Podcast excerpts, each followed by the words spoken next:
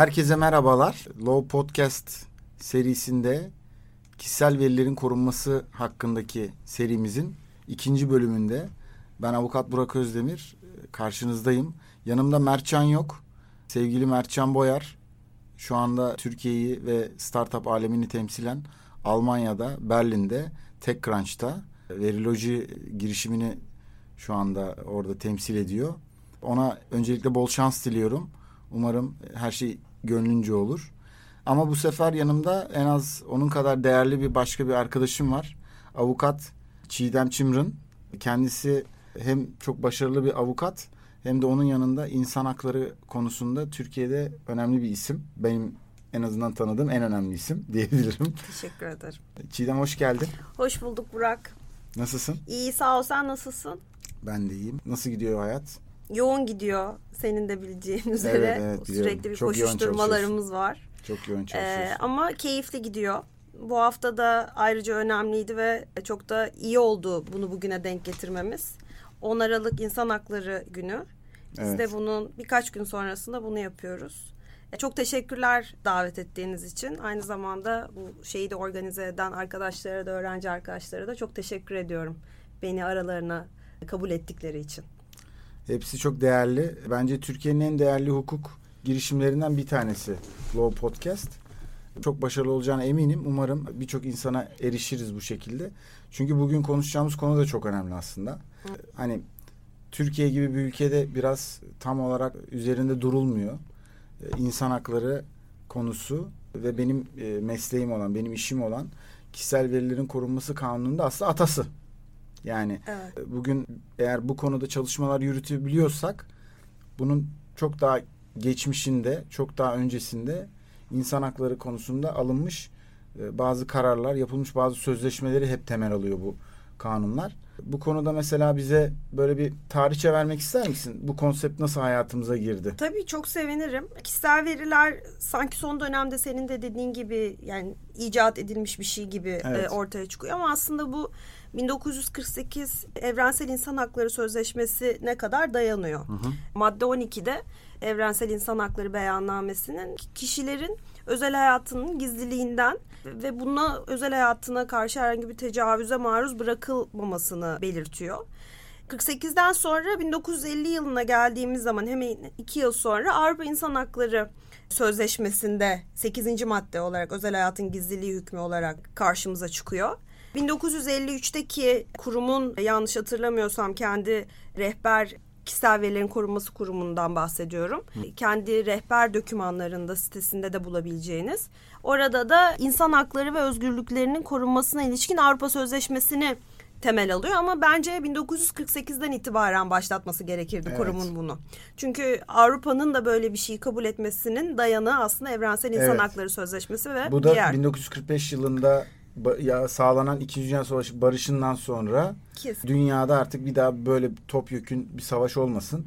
Bununla ilgili insanların bazı hakları olsun ve bunlar da evrensel olarak kabul edilsin diye bir oluşturulmuş bir uluslararası inisiyatif aslında. Evet aslında her şey insanın onurunun insana yaraşır bir şekilde yaşaması ve insan onurunun korunması üzerinden e, düzenleniyor. Bu kişisel veriler ve özel hayatın gizliliği onun üstünde de özel hayatın gizliliği meselesi de bununla çok bağdaşıyor. Evet. Daha sonra yani bu temel şeylerden sonra iç düzenlemeler başlıyor. OECD kapsamında bir takım düzenlemeler var ama iç düzenlemeleri belki sen daha 108 nolu kararlar Evet, evet. vesaire onlara belki ben biraz de şimdi orada tam çok doğru bir noktada bana söz verdin. Burada önce çok geniş kapsamlı bir katılım var. Ülkeler bir masada oturmuş bazı konularda temel kavramlar üzerinde anlaşmışlar. Şimdi biraz da özelinde artık konular özelinde anlaşmaya başlamışlar. Bunlardan bir tanesi de 1981 yılında imzalanmış olan 108 nolu kişisel verilerin otomatik işleme tabi tutulması karşısında bireylerin korunması sözleşmesi. Avrupa Tabii seviyesinde. Avrupa seviyesinde yapılmış bir e, sözleşme bu ve hatta girişinde şöyle yazar der ki Avrupa Konseyi'nin amacının özellikle hukukun üstünlüğüne ve insan hakları ile temel özgürlüklere saygılı olarak üyeleri arasında daha yakın bir birliğin gerçekleşmesi olduğuna inanarak diye böyle bir açılış cümlesi var. Yani burada da zaten konunun kaynağının, temelinin insan hakları, özel hayatın gizliliği, kanunun insan için olduğu bir anlayış var. Kesinlikle. Bu arada lafını unutma evrensel insan hakları beyannamesinin şöyle bir özelliği var. Şimdi bu 108 nolu sözleşme ne olursa olsun Avrupa topraklarıyla sınırlı. Ee, Evet. Amerika'da ne olduğunu bilmiyoruz mesela. Evet. Belki ona da bakmamız gerekiyor ama evrensel insan hakları beyannamesi dediğimiz zaman dünyadaki bütün devletler tarafından imzalanmış, kabul görmüş bir metinden bahsediyoruz. Dolayısıyla de facto onun bağlayıcılığı çok daha fazla. Evet. Yani Afrika'da böyle bir sözleşmenin Avrupa şeyinde olan sözleşmenin olmuyor olması onların özel hayatı korumamaları anlamına Anlama gelmiyor. Evet. Sonuçta yani Avrupa burada biraz daha lider, başat gibi. Hep öyle oldu. Ee, hep öyle oldu. Zaten aslında bunun bir sebebi var. Çok yani açık bir sebebi var. Avrupalılar daha uzun boylu, daha akıllı insanlar değiller. Değil. Sadece Avrupa'da iki tane çok büyük savaş oldu. ders Ve- almayı biliyorlar. Evet, ders aldılar bundan. Evet. Yani toplamda belki 30 milyonun üzerinde iki savaşta insan öldü. Bu rakam yanlış da olabilir yani hani bildiğim kadarıyla söylüyorum. Ama yani bu kadar ölüm olduktan sonra neredeyse herkesin yani bütün insanların iki kişiden birinin ailesinde birisi öldükten sonra artık belli kararlar alabilir hale geliyorlar. Evet. Ya da almaları gerektiğini farkına, Farkına varıyor. varıyorlar, Ve o evet. yüzden daha proaktif davranıyorlar. Ve bu konuda da hala da ısrarcılar. Mı acaba çünkü Brexit örneği var. Ha, şimdi oraya geleceğiz ama öncesinde ben bunun lokal olarak dağılımına gelmek istiyorum. Evet. Ve geleceğin noktayı da çok iyi anladım ama dinleyiciler biraz da sabırlı olurlarsa çok güzel bir magazin var birkaç dakika sonra. Tabii bu Avrupa'da alınmış bir karar var. 1981 Sözleşmesi bir artık bir antat olmadır, bir beyandır. Ondan sonra bunun ülkelere dair sirayeti var. İşte biz kendi kanunumuz olan KVKK'nın MEHAS kanunu olan 95 yılında e, kabul edilmiş olan direktif sonra bizim kanunumuza nasıl geldi? Bir kanun olarak geldi. Ve aynı dönemde yani bu 1981 yılının sözleşmesinin Türkiye'de kabul edilme tarihine bahsetmek istiyorum. Bu sözleşmeyi biz Başbakan Ahmet Davutoğlu imzasıyla 29-2-2016 tarihinde kararlaştırmışız. Cumhurbaşkanı olarak da Recep Yani- Tayyip Erdoğan imzalamış. 1981 tarihli Evet. sözleşmeyi biz 2016 ortasında 2016 başında, Başında, ortası pardon. bile değil. Yani ilk çeyreğinin içinde kabul etmişiz ve hemen ardından 4 Nisan 2016 yılında da kanun yani kişisel verilerin korunması kanunu kabul ediliyor. şu an ortalığı kasıp kavuran. Evet yani bu inanılmaz bir tesadüf olsa gerek. E, yani aslında geç de kalınmış bir şey gibi Türkiye'nin Avrupa Birliği'ne uyum sürecinde. Bence bu e, bir bakmak lazım tabii Evet. ki de ama chapter'lardan Şimdi bir tanesinde kesin var burada- insan hakları Tabii tabii şeyinde. burada şimdi kurumun tabii çeşitli yayınları var Hı hı. bu konu hakkında. Hı hı. Bunlardan bir tanesi de kişisel verilerin korunması kanuna duyulan ihtiyaç. Yani biz bunu niye yaptık? Bunları web sitesinden bulabiliyoruz değil tabii mi? ki tabii ki bunlar tamamı kamuya açık bilgiler. Yani tamamı aydınlatılmış durumda internet sitelerinde yayınlanmış durumda bekliyor ve bizim söylediğimiz birçok konuya da atıf var. Hı. Mesela 108 nolu sözleşmeye atıf var. Hı hı. Diyor ki işte Avrupa'da bunlar kabul edilmiş. Ondan dolayı bizim de böyle bir şey yapmamız gerekiyordu vesaire vesaire. Ondan sonra tabii ki devlet de iktidar da bu konudaki beyanını bunları kabul ederek zaten ortaya koymuş. Daha sonra da bir anekdot olarak şunu söylemişler. Son olarak ülkemizde kişisel verilerin korunmasına ilişkin kanuni bir düzenleme olmaması nedeniyle polis birimleri arasında etkin işbirliğini hayata geçiren Europol ile güvenlik birimlerimiz arasında Eurojust ile de yargı makamlarımız arasında elektronik veri paylaşımı noktasında sıkıntılar yaşanmıştır. Ayrıca yabancı sermaye vesaire vesaire diyerek konuya devam ediyor. Yani burada güvenlik birimleri arasında Ve adli e, makamlar adli arasında. makamlar arasında Hı hı. yaşanan istihbarati sıkıntılara Hı hı. bir temas var. Bir oradan bir anekdot var. Bu da tabii belki zamanlama konusunda bize bir emareler verebilir. Neyse daha sonra ben şöyle bir ayrıca not düşmek istiyorum. Şimdi bu insan hakları konusunda 10 Aralık tabii ki önemli bir tarihti. Ondan sonra ve senin de bu konuda bir doktora tezin var. Evet. Şu anda doktora tezin herhalde Tamamlandı, tamamlan bekliyor şu evet, anda. Şu an tamamlandı, bekliyor. Yakında şey olacak, savunması vereceğim. vesaire yapılacak. Hı hı. Bize biraz bu tezin hakkında bilgi Tabii. verebilir misin? Tabii ki de.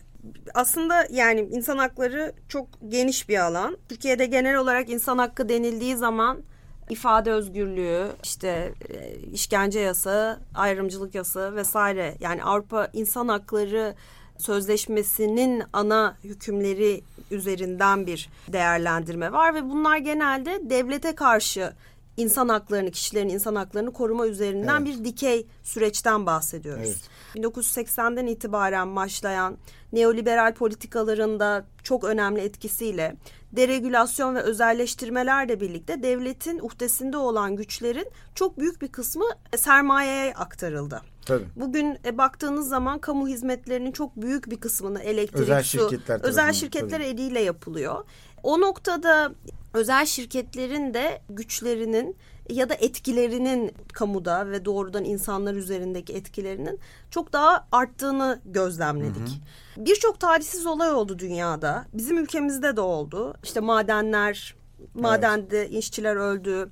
E, Bangladeş'te Rana Plaza felaketi oldu. Orada kocaman bir binada çalışan tekstil atölyeleri ve o tekstil atölyelerinde çalışan işçiler o binanın çökmesinden dolayı hayatlarını kaybettiler ya da yaralandılar ve ciddi zarar gördü aileleri bundan. Ve o atölyelerde bugün bizim de belki üstümüzde olan çok büyük bir markalara üretim yapılıyordu Evet. aslında. O Onun bölge zaten bu tarz Evet. markaların bizim e, ülkemizde çok ama öyle. Tabii bizim ülkemiz aynen öyle onu diyecektim. Tekstil alanında bizim a- ülkemizde öyle. Onun dışında işte petrol şirketlerinin kendi alanlarındaki Afrika'da bir takım sıkıntılar oldu. Örnekleri çoğaltabiliriz ama Evet. benim alanım şirketlerin insan hakları etkilerini incelemek üzerinden Hmm. e, oluştu. Bunun da 2011 yılında Birleşmiş Milletler nezdinde çıkan şirketler ve insan haklarını yönelik rehber ilkeleri temel alarak orada da şöyle bir üç sütuna oturuyor Burak onu da çok kısa anlatayım. Günün sonunda baktığınız zaman insan haklarını korumak bu kanunda da kişisel veriler kanununda da gördüğümüz gibi devletin ödevi, görevi. İnsan hakları belgeleri, bu evrensel insan hakları beyannamesi, Avrupa İnsan Hakları Sözleşmesi, 108 nolu sözleşme ne dersen de bunların hepsinin tarafları bugüne kadar devletler oldu. Dolayısıyla devletler ana sorumluluk sahibi bunda. İlk sütun rehber ilkelerde onu anlatıyor. İkinci sütun yalnız daha farklı bir bakış açısı getiriyor ve diyor ki günümüzün koşullarını da dikkate alarak, dinamikleri de dikkate alarak şirketlerin de insan haklarına saygı gösterme sorumluluğu vardır diyor ve şirketlerin bu sorumluluğu faaliyet gösterdikleri devlet topraklarında ya da o devletin bu konuyla ilgili hareket edip etmemesi ya da insan haklarını koruyup korumamasından tamamıyla bağımsızdır diyor. Yani bir Amerikalı şirket ya da bir İspanyol şirket ya da bir İngiliz şirket kendi ülkesinde ki kanunlar başka Hangi faaliyet standartları gerektiriyorsa kendi ülkelerindeki ya batının standartları çok daha yüksek. Tabii ona Ama onu yani da fiyat açısından demiyorum Yok. ama o şirketin insanlara gösterdiği nasıl diyeyim insanlarla duyduğu ilişkinin olması gerektiği bir standart var. yani nasıl İngiltere'de çocuk işçi çalıştıramazsa Türkiye'de de çocuk işçi ya da Bangladeş'te de çalıştıramaz. Evet, aynen, evet, Ve bunu aynen öyle. daha global standartlar üzerinden değerlendirmemiz lazım. Farklı bir konu bunu da daha sonra belki başka bir podcast'te değerlendirebiliriz. Ama bir şey söyleyebilir miyim? Aslında hiç uzakta değilsin. Seni hemen izninle Tabii tekrar konumuzda olduğunu belli edecek bir cümle kurmak istiyorum. O da şu. Şirketler en büyük şu anda dünyanın en büyük, en zengin insanları ve en büyük şirketlerinin tamamı teknoloji şirketleri. Evet. Şimdi işte tam bu noktada veriyi En büyük ve kaynak. insan hakkı sadece sözleşmelerde değil gerçek hayatta buluşmuş hale geliyor. Kesinlikle. Siz Amazon'u, Microsoft'u bakın bir Jeff Bezos Evet. 114 milyar dolar. 2 Bill Gates 106 milyar dolar. 4 Facebook 70 milyar dolar. Bunlar dünyanın en zengin insanlar listesi. Şimdi bunları ben sayıyorum yani aşağı doğru daha bir sürü adam var. Larry Page'inden Sergey Brin'e, Steve Ballmer'ından ondan sonra Kenzie Bezos'una yani karısını bile dünyanın en zengin listesine koydu adam. Evet, karısı Yarısı gitti bak düşün yani. evet. Yarısı gitti Karısı- kalanı bu. Hala bir de. Neyse uzun lafın kısası E bu şirketleri zengin yapan sadece sattıkları ürünler mi? Hayır. Dataları. Datalar özellikle teknoloji Aynen öyle. şirketleri için aynen öyle. Tezimde de bundan bahsettim. Bu demin verdiğin örnekler tabii hani şu anki Forbes listeleri Evet. üzerinden verdim. Ben mesela şöyle bir istatistik paylaşabilirim. Alphabet yani Google'ın ana şirketinin 2017 yılındaki cirosu eğer bir ülke olsaydı ekonomik büyüklük olarak dünya listesinin 59. sırasında olacaktı sadece Google cirosuyla. Microsoft keza öyle. Eğer bir ülke olsaydı dünya listesinde 65. sırada Kesin oturacaktı. vize koyarlardı ben sana söyleyeyim. evet. Zaten koyuyorlar biliyorsun. Evet ya. Apple bir oyun app yüklemek istediğiniz zaman senden vergi kesiyor yani. Evet. Çünkü platformunu kullanıyorsun. bizim, bizim, bizim ülkemize koyduğu oranlar daha yüksek. Gerçekten Evet, mi? gerçekten Bu bizim. Schengen alıp sürekli para Aynen, hiçbir vermemizi. fark yok. Bu da bir insan hakkı ihlali değil? Kesinlikle yani. Bir de ayrımcılık yapalım bununla yasağı. Bununla ilgili bir şey yapalım. Yazalım. Aynen öyle. Tamam şikayet mekanizmalarını Aynen öyle. yazalım. Ben kuruma yazacağım. Kurum, Artık kurum seneye evet, gelir. sene. kurum şu anda çok yoğun. evet evet. Ee, Vergis kayıtlarının son günleri. Evet 30, Herkes dikkatli olsun. 31 Aralık arkadaşlar. 31 Aralık. Winter is tutun. coming. Aynen öyle. Şimdi şirketler güzel örnekler Şirket verdin. veri dedik. Veri dedik. E bunun çok ciddi sadece kişisel verimi verdim işte ya da telefonumu buldular bana mesaj atıyorların ötesine geçen bir şey var. O da Cambridge Analytica skandalı. Aa ne güzel söyledin. İşte Bak birkaç magazin- dakika önce Magazin. temas ettiğimiz magazin konusuna geldik. Evet. Evet. Eminim bizi dinleyen arkadaşların, dinleyicilerimizin en azından bu konuyla ilgili bir fikri vardır ya da duymuştur. Netflix'te bununla alakalı bir belgesel vardı. Evet, adı da Great Hack. Evet Great Hack'ti. Ondan sonra bunu yani mutlaka izlemeyenler varsa izlesinler. Konuyla ilgili herkesin farkındalığının olması gerektiğini düşünüyorum. Kesinlikle. Özellikle teknolojinin bu kadar hayatımızın her alanına girdiği bir dönemde ve bundan sonra daha da artacağını Yani öngörüyorum. yaşlı gibi konuşup yaşımı belli etmek istemiyorum ama hani Aramızda ellerimizde var. ellerimizde telefon böyle geziyoruz bik bik bik. Tamam bu çok güzel bir şey. Evet. Zaten dünyada o noktaya doğru gidiyor. Yani ileride yıllar önce babalarımız böyle söylerdi. Evladım işte beş parmak yaz falan. Şimdi beş parmak yazma konusunda herhangi bir kişiye sen de stajyer alıyorsun, avukat alıyorsun Evet. ona. Hiç soruyor musun? Hayır o zaten o E cepte zaten yani. standart bir şey. Evet. Şimdi artık telefon kullanımı olsun, teknolojiye yatkınlık da standart bir şey. Yani çocukları büyütürken de, gençlere örnek olmaya çalışırken de bir defa bu gerçekten bir yüzleşmek lazım. Kesinlikle. Yani teknolojiden artık uzak olma falan filan yok işte öyle bir tercih hakkınız yok. Ama Akıllı evler var zaten evet ve akıllı o ev var. yani şeyle ilgili Sen istiyorsun Google ben girince ışığımı yaksın, termostatı çalıştırsın, benim sabah uyandığım saati bilsin, bilsin. Ve ona- Ben alarmı kurmayayım, uyandığım saati bilsin, benim yumurtamı yapsın diyorsun. Hani Evet. sen bunu zaten bir defa istiyorsun. ya da enerji tasarrufu için bu zaten teşvik ediliyor belki de yani. dünyanın şimdi Küresel e, ısınma evet, bağlamında. aynen öyle. Şimdi belki bunlar birçok konuya imkan verecek. Ama şu da bir gerçek ki kimsenin bizim insan hakkımızı bu hizmetleri verirken istismar etmesini hakkı yok. Kesinlikle. Bu O Alexa'lar, lütfen- evet. Siri'ler, Hello Siri vesaireler derken orada Siri sizin ne yaptığınızı, saat kaçta kalktığınızı, nerelerden alışveriş yaptığınızı, hangi ya sadece Siri değil Apple telefonunuz ya da ne hangi Evet. şeyi kullanıyorsanız da sizin günlük hayatınızı sizden daha güzel bir şekilde biliyor. Evet. Ve bunu tamamıyla istatistiki olarak biliyor. Evet. Ve bununla alakalı da bunun suistimal edilme alanları çok fazla. İşte demin söylediğimiz Cambridge Analytica skandalı da bu suistimalin en güzel örneklerinden bir tanesi ve Denin anlatır mısın Anlat- onu? Ben bunun çok değerli bir anlatım olacağını düşünüyorum. Şimdi 2016 yılında hatırlarsanız Amerika Birleşik Devletleri'nde seçimler, başkanlık seçimleri oldu ve Evet. Donald Trump e, seçildi. Ve Donald Trump'ın o dönemdeki en önemli yardımcılardan bir tanesi Steve Bannon'da.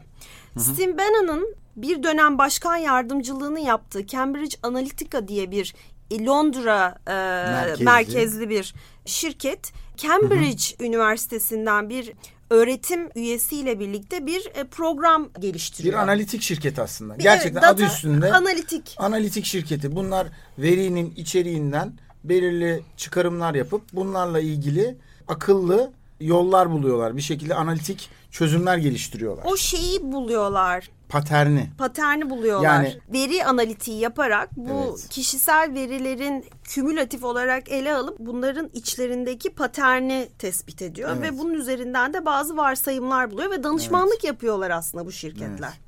Ve e, o dönemde daha sonra da yani hem bununla ilgili bir muhbir çıktı. İşte Cambridge Üniversitesi'nde çalışan bir kişi, bir Alexander Kogan diye bir adam ve bu senin dijital hayatın This is your digital life isimli bir uygulama geliştirdiklerini söylüyor. Bu uygulamayla da Facebook'ta işte Facebook kullanıcılarının içinde kısa bir test olan bir bir şey yayınlıyorlar ve insanlar Evet. ona o uygulamayı indirdikleri zaman bütün özel ondan sonra yazışmaları yani sadece kamuya açık verileri değil isim soy isim zaten Facebook'ta açık hani onu herkes görebiliyor ya da resim ama bütün özel yazışmalarından hatta ve hatta kendi bağlantılarının dahi özel yazışmaları Evet. olmak üzere bu veriyi çekebiliyor. Şimdi bu veriyi çekmek Resmen hırsızlık. hırsızlık. Ama şimdi bunu öyle anlamayabilirsin eğer bunun nerelerde kullanıldığını bilmezsen. Şöyle bir şey bu veriyi çekip aradaki verilerin içindeki paternlerini tespit edip bu insanların genel olarak neleri beğendikleri, nasıl videolar izledikleri, nasıl yorumlar yaptıkları, nelere tepki gösterip nelere tepki göstermediklerini hepsini çıkartıyorlar ve onlara özel, kişiye özel, customize deniliyor bunun Evet. teknik kelimesi de o. Politik reklamlar yayınlamaya Peki başlıyorlar. tam bu noktada Hedefleme iznini- yapıyorlar. Evet buna e, GDPR ağzıyla söylüyorum. Hı hı. GDPR E, aç G- istersen. GDPR ağzıyla profiling deniyor. Profilleme. Evet. Bu arada medya şeyleri de dijital ajanslar diyorlar gerçi artık onlar da kendilerine onu söylüyorlar. Hedefleme ve profilleme.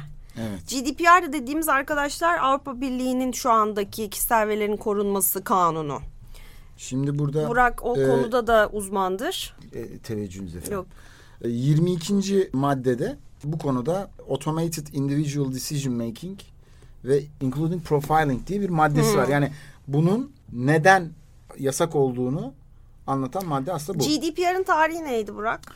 GDPR'ın tarihi 25 Mayıs 2018 bütün herkes için e, uyumluluğun bittiği tarih. 25 Mayıs 2018'den sonra bütün artık Article 3 seviyesinde muhatap olanlar bu kanuna göre uyumlu olması gerekenler uyumluluk sürecini tamamlamaları gereken son tarih 25 Mayıs'ta. 25 Mayıs'ta. Bizim Ama, 31 e, Aralık gibi aslında bir nevi. Ee, Yani 31 Aralık aslında işim yanlış anlaşılıyor. Hani bu Hı. bizim tarihimiz zaten Nisan 2018'de tamamlandı. Tamamlandı mı peki Tamamlandı. realitede? 30 Ee, Şimdi burada müvekkil bilgisi vermem e, doğru olmaz. Ama 31-12 sonuçta zoraki uzatılmış. Evet. Bu arada onu da söyleyeyim. Zoraki uzatılmış. Bir sadece ve sadece verbis kaydı için verilmiş bir son tarih. O da yani aslında çok basit bir kayıt gibi gözükse de sonuçta bu bir beyan. Evet, bir envanter Bir çıkartıyorsun. envanter çıkartıyorsun ve birçok ek sorumlulukları da var, yükümlülükleri de var. Bunları da tamamlamak gerekiyor. Velhasıl neyse konumuza dönersek Ama bir şey söyleyeceğim. Şunu da söyleyelim. Bu bizim kanunumuzda olan bir hüküm değil. değil hayır. Ve zaten yani bir sürü bence sıkıntılı konu var. Biz bunun abisini, direktifi alıp ka- Evet. kanun yaptık. Evet, evet. Unutulma hakkının mesela olmaması da çok büyük bir sorun. unutulma hakkı yok. Unutulma hakkı kanunumuza mahkeme kararıyla girdi. Fakat yazılı bir şekilde Ama mahkeme kararıyla da çıkabilir. E, tabii, Öyle bir risk tabii var. çıkabilir. Ama unutulma hakkı çok önemli bir Unutulma hakkı insan çok hakkı. önemli. Bununla ilgili geçen birinci bölümde de Mertcan, sevgili Mertcan'la konuştuk Öyle bu mi? konuyu. Çünkü bununla alakalı bir karar çıktı. Unutulma hakkının bütün ülke, yani bütün Avrupa Birliği, daha doğrusu GDPR'ın geçerli olduğu ülkeler sınırlarında değil, ülke bazlı yapılması gerektiğine dair Hmm. bir karar çıktı. European Court of Justice'ten. Mantıklı. Ee, yani Her, mantıklı. her ülkenin dinamikleri çok Evet, farklı. evet, Kimisi yani daha teknolojik olarak ilerlemiş Ad- adam ya da daha şey. adam diyor ki yani ben Fransa'da silinsin dedim. Ee, İsveç'te niye var falan diye artık diyemez. Hı. Eğer silinmesini istediği bir ülke varsa spesifik olarak Oraya başvuracak. başvurması gerekiyor. Anladım. Neyse burada ben Cambridge- şunu söylemek Heh, istiyorum. söyle. Ondan dolayı araya girdim. Burada biraz önce bahsettiğin şeyler çok değerli. Yani bu sistemin nasıl çalıştığını gerçekten insanların anlaması lazım. Çünkü kişisel veri dediğimizde herkes bana aynısını söylüyor. Ama fotoğrafımı çekti. Yani şimdi fotoğrafın senin yani belki de en aleni ve en kişisel olmayan veri. Veri. Hmm. Senin gerçek kişisel verin kimse odada yokken o telefonun başında böyle tuşladığın şeyler. Evet, yaptığın Google Evet. search'ler. Seni kimsenin duymadığı, seni kimsenin görmediği. Yani hani Evet. tabiri caizse çıplak olduğun, kimse tarafından görülmediğin, izlenmediğini Düşündüğün, düşündüğün anda yapılan izleme. Evet. Adam ondan dolayı bu maddeyi Ve koymuş Asıl en içine. büyük şey de o. En büyük değer de o. Zaten evet. onu satışını Ve yapıyorlar. bizim kişisel veri tanımımıza gelirsek, Hı. bizim kendi kanunumuzdaki kimliği belirli veya belirlenebilir. Gerçek kişiye ilişkin her türlü bilgi. Yani kimliği belirli veya belirlenebilir diyor.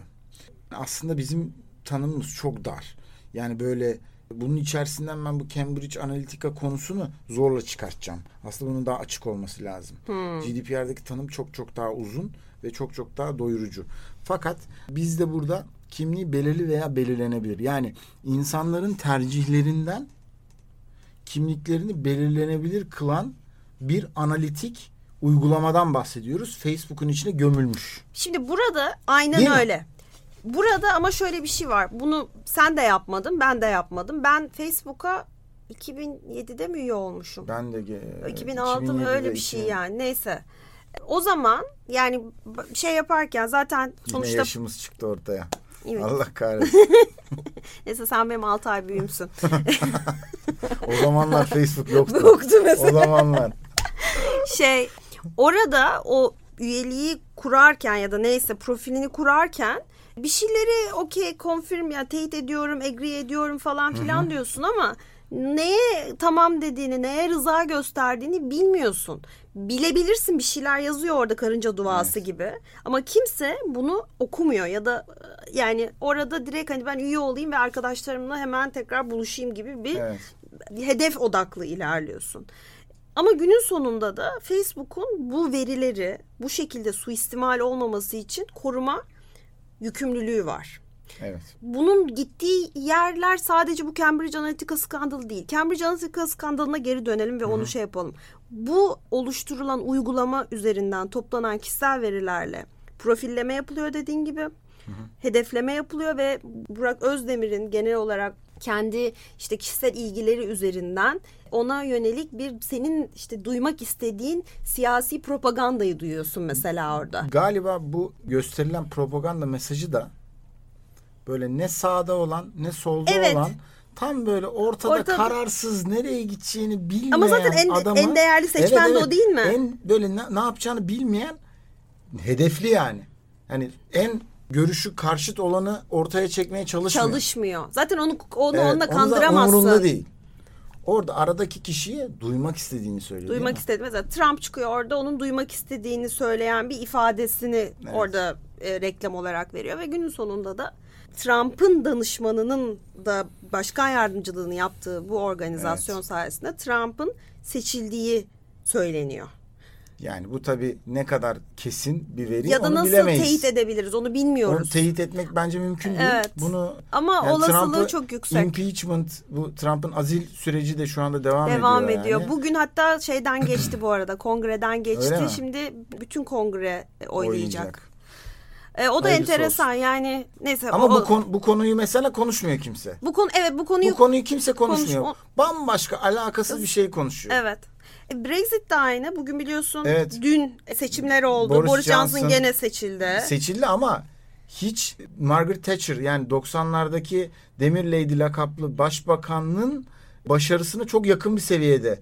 Neredeyse tek başına süreci yürütebilecek bir oy potansiyeliyle şu anda avam kamerasında koltuğu var. Dürüst konuşmak gerekirse inanılır gibi değil.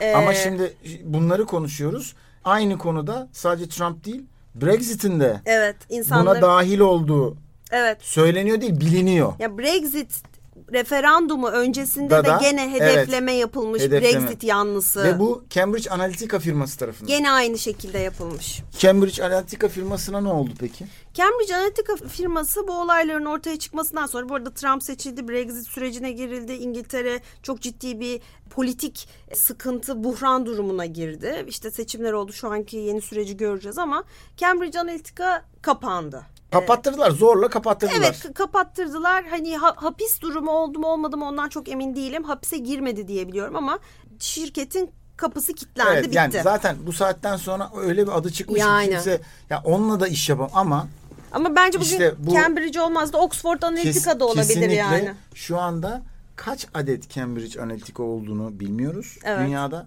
Türkiye'de de olabilir. Tabii ki bir de bu bir defa kanıtlanmış bir yöntem. Kesinlikle. Çok iyi Yani bir yöntem bu, bu arada. kanıtlanmış bir yöntem. Yani bunun başarısı kanıtlanmış. Bunun kaçının Amerikalı, kaçının İngiliz, kaçının Türk, kaçının Rus bilmem ne vesaire hangi memleketten olduğunu bilmiyoruz. Ama şu konuyu kesinlikle biliyoruz ki şu anda dünyada izleniyoruz, profilleniyoruz. Bununla ilgili tercihlerimiz an be an izleniyor. Evet. Ve onunla ilgili bize sürekli yeni kampanyalar bu sadece yani siyaset üzerinden konuştuk. Yani bu çok magazinsel bir örnek olduğu için. Butik de Ama olabilir yani. Bu Hani e, bir marka da olabilir, Evet. bu bir giyim firması da olabilir. Çok uzun süredir başıma geliyor bu. Şu anda sürekli sadece bebek Ha. e, reklamları görüyorum. bebeğin olacak ondan. Evet, çünkü- sürekli onu Google'lıyorsun.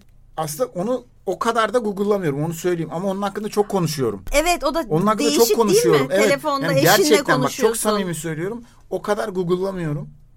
Çünkü yani çok yoğun bir çalışma hayatımız var biliyorsun. Evet. Yani Google'lamaya vaktim bile kalmıyor gerektiğini ama çok fazla konuşuyorum. Çünkü eşime, dostuma, iş sırasında insanlarla konuşuyoruz. Ve inanamazsın o kadar fazla bebekle alakalı fotoğraf, ondan sonra görsel, video, Reklam. reklam, o kadar ekspozeyim ki onlara. Yani bunun bir tesadüf olduğunu düşünmek sadece aptal işidir. Evet.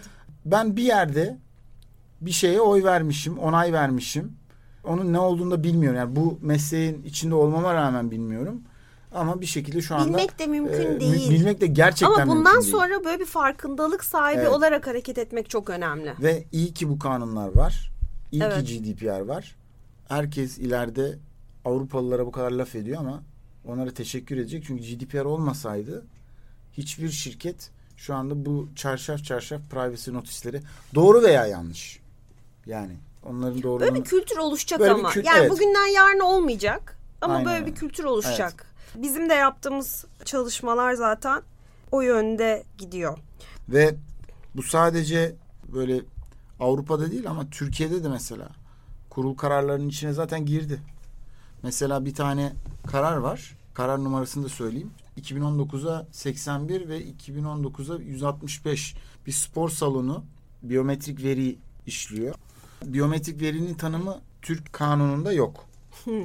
Biyometrik veri sadece isim olarak verilmiş. Yani özel nitelikli kişisel veriler 6. maddenin KVKK'nın 6. maddenin maddesinin ikinci fıkrasında sayılan bir kelime. Fakat tabii şaşırtıcı bir şekilde GDPR çok daha kapsamlı Evet. bu konuda bir tanımlama yapmış. 51. resitalde Recital 51 diyor ki işte biyometrik verilerle ilgili açıklamalarda fotoğrafların işlenmesi doğrudan biyometrik veri olarak nitelendirilemeyecek vesaire vesaire birçok tanım yapmış. Biyometrik veri parmak izi ondan sonra sizin yüz tanıma sistem yani sizi bir şekilde bir otomatik bir mekanizma eşliğinde tanımak. Evet. Tanıya- Göz taraması da olabilir. Göster, Parm- retina, evet. parmak izi, yüz tanıma vesaire vesaire birçok kullanım. Bu şey değil mi? var. Hani böyle girerken spor salonlarına parmak izi verirdik. Bizim kanunumuz evet bizim kanunumuzda Danıştay 15. dairenin 2014'de 4562 esas sayılı kararında bu çok daha net bir Hmm. açıklama geçiyor. Biyometrik yöntemler ölçülebilir fizyolojik ve bireysel özellikleri aracılığıyla gerçekleştirilen ve otomatik şekilde doğrulanabilen kimlik denetleme tekniklerini ifade ediyor demiş. Mesela bunlar nedir? Parmak izi tanıma demiş, avuç içi tarama demiş, el geometrisi tanıma demiş, iris tanıma yani göz tanıma, yüz tanıma, retina tanıma vesaire vesaire DNA tanıma gibi böyle saymış. Hmm. Burada bir spor salonundan bahsediyoruz. Spor salonu el avuç içi taraması yapıyor. ve giriş çıkış kaydı tutuyor. Evet biliyorum ben de o spor salonuna Evet, üyeydim. çok çok meşhur bir spor salonu. Şimdi isim vermeyelim. Ve bununla alakalı bir ceza çıktı. Ve orada ceza kararının içerisinde bizzat Avrupa İnsan Hakları Mahkemesi'nin kararlarına atıf, Atıf, var. mı? Tabii. Atıf yapmışlar. Bu arada bir şey söyleyeceğim. Yani ölçülülük ilkesi esastır Avrupa İnsan Hakları Mahkemelerinin kararlarında. Büyük ihtimalle ona da giriyordur. Ee, 4 Aralık 2008 tarihli Marper ve S Birleşik Krallık kararında diyor. Kişilere ait parmak izi, hücre örneği ve DNA profillerinin saklanmasının başvurucuların özel yaşamının gizliliği hakkında yönelik orantısız, işte ölçülülük Evet. orantısız. Aşırı bir müdahale olduğu ve demokratik bir toplumda gerekli bir müdahale olarak Kabul kabul, edilemedi. edilemeyeceği. Şimdi genel olarak bir 8. maddeden bahsetmek önemli burada. 8. madde Avrupa İnsan Hakları Sözleşmesi 8. maddesi özel ve aile hayatına saygı başlıklı bir madde. Birinci fıkrasında herkes özel ve aile hayatına, konutuna, yazışmasına saygı gösterilmesi hakkına sahiptir. Ama burada bu mutlak bir hak değil. Yani dolayısıyla bu kısıtlanabilir bir hak. Kısıtlanabilmesi için de işte kamu güvenliği vesairenin ulusal güvenlik, kamu güvenliği, ülkenin ekonomik refahı vesaire gibi zorunlulukların olması Evet. gerekiyor ve aynı zamanda da hem ölçülülük ilkesine hem de demokratik toplum orada tam olarak ifadeyi nasıl diyor Demokratik bir toplumda Toplum gerekli gerek- bir müdahale olarak kabul demokratik edilemeyeceği. toplum üzerinden de böyle bir değerlendirme yapıyor. Şimdi burada araç ve amaç yani sen kullanıyorsun, Kesinlikle. alıyorsun sadece spor salonuna girmek için hani Evet. uzay üstüne mi giriyoruz yani Aynen ne öyle. yapıyoruz? Şimdi bir, bir tane yani girip İsyanlardayım. Evet. Şimdi bir yüzeceğiz yani. evet hani. yani bırak yüzelim. Biz de tabii uyum çalışmaları yapıyoruz. Ondan sonra danışmanlıklar veriyoruz. Seninle de yürüttüğümüz projeler var. Onlara da geliriz. Ama orada mesela e, hatta seninle bizzat içinde bulunduğumuz bir projede hatırlıyor musun? Bir parmak izi tanıma sistemi var. İnsanlar neden bunun problem olacağını sormuştu.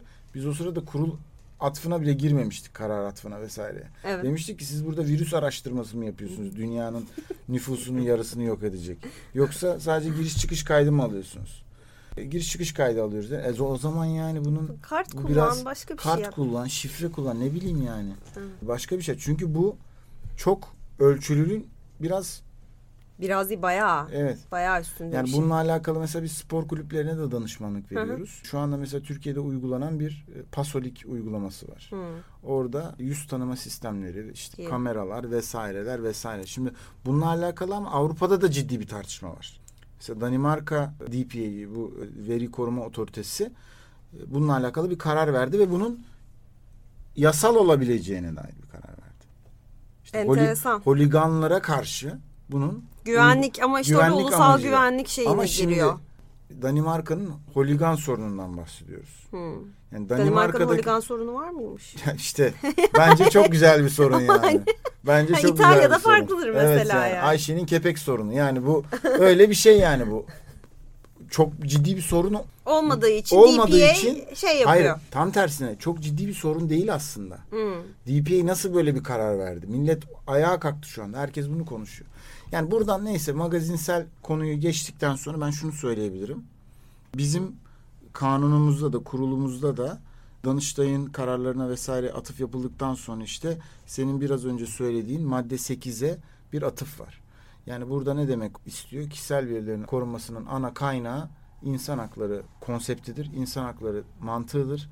Bununla alakalı uluslararası sözleşmeler vardır vesaire vesaire. Şimdi biz çok farklı bir alanda da seninle çalışıyoruz. Ve bu uyum süreçlerini sadece şirketler bazında konuşuyoruz ama mesela biz NGO'lar yani bu Sivil e, toplum sivil örgütleri. toplum örgütleri ile de bazı çalışmalar yürütüyoruz. Evet. Bunlarla ilgili de bir, bir iki kelam bir şeyler söyleyelim isterim. Evet çok iyi olur. Çünkü onlar da çok bilinmeyen yani bu e, toz bulutu içerisinde STK'ların durumu çok fazla değerlendirilmiyor. Evet.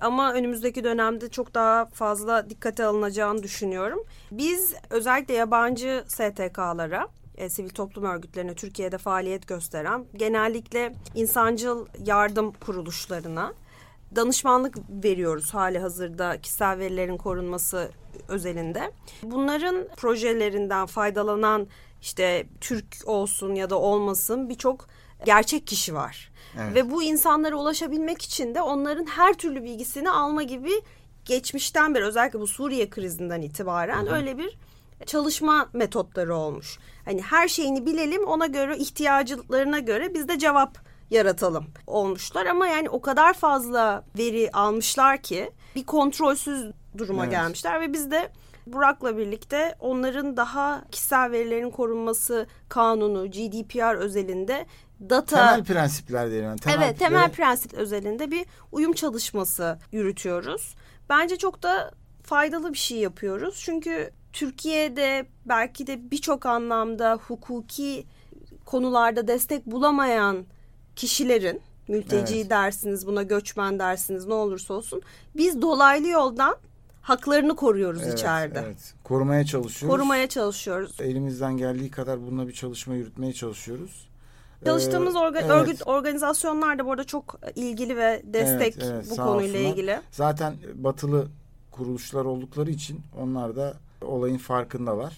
Sadece bunu bir lokal bir uyum çalışması olarak görmüyorlar. Bunu Evet. bir temel prensip olarak görüyorlar. Bize de o yönde bakıp destek oluyorlar. Kendilerine buradan teşekkür ediyoruz. Evet, teşekkür ediyoruz. Ee, Onlar da bence bize teşekkür ediyorlardı evet, bu arada. yani bence sonuç- etmeliler. Sonuçta değerli bir çalışma. Evet. Ee, Senle ben haricinde de bilmiyorum. Bu başka bir ikili bu çalışmaya girer miydi bilmiyorum. Velhasıl Çiğdemciğim ben bugün için sana teşekkür ediyorum. Yani çok teşekkür Sevgili Mertcan'ın eksikliğinde keşke o da burada olsaydı. Onun da kesin ben eminim edecek bir iki kelam lafı eminim. olurdu. Ama onunla yürüttüğümüz bu gri alanlar podcast'imizin ikinci bölümünü bence burada artık veda edelim. Tamam. Senin son bir söyleyeceğin bir şey var mı? Yok çok teşekkür ederim beni burada ağırladığınız için, böyle bir olanak sağladığınız için. Çok keyifliydi. Benim için de bir ilk podcast. Dilerim devamını getiririz. İnşallah. Senin de çünkü anlatacakların bitmez biliyorum. Evet, çok konuşabilirim. O zaman ben önce Low Podcast ekibine, ardından Çiğdem'e, ardından da bizi buradan dinleyen herkese zamanları için, emekleri için teşekkür ediyorum. Çok teşekkürler. Bir sonraki bölümde görüşmek üzere. Sevgiyle kalın.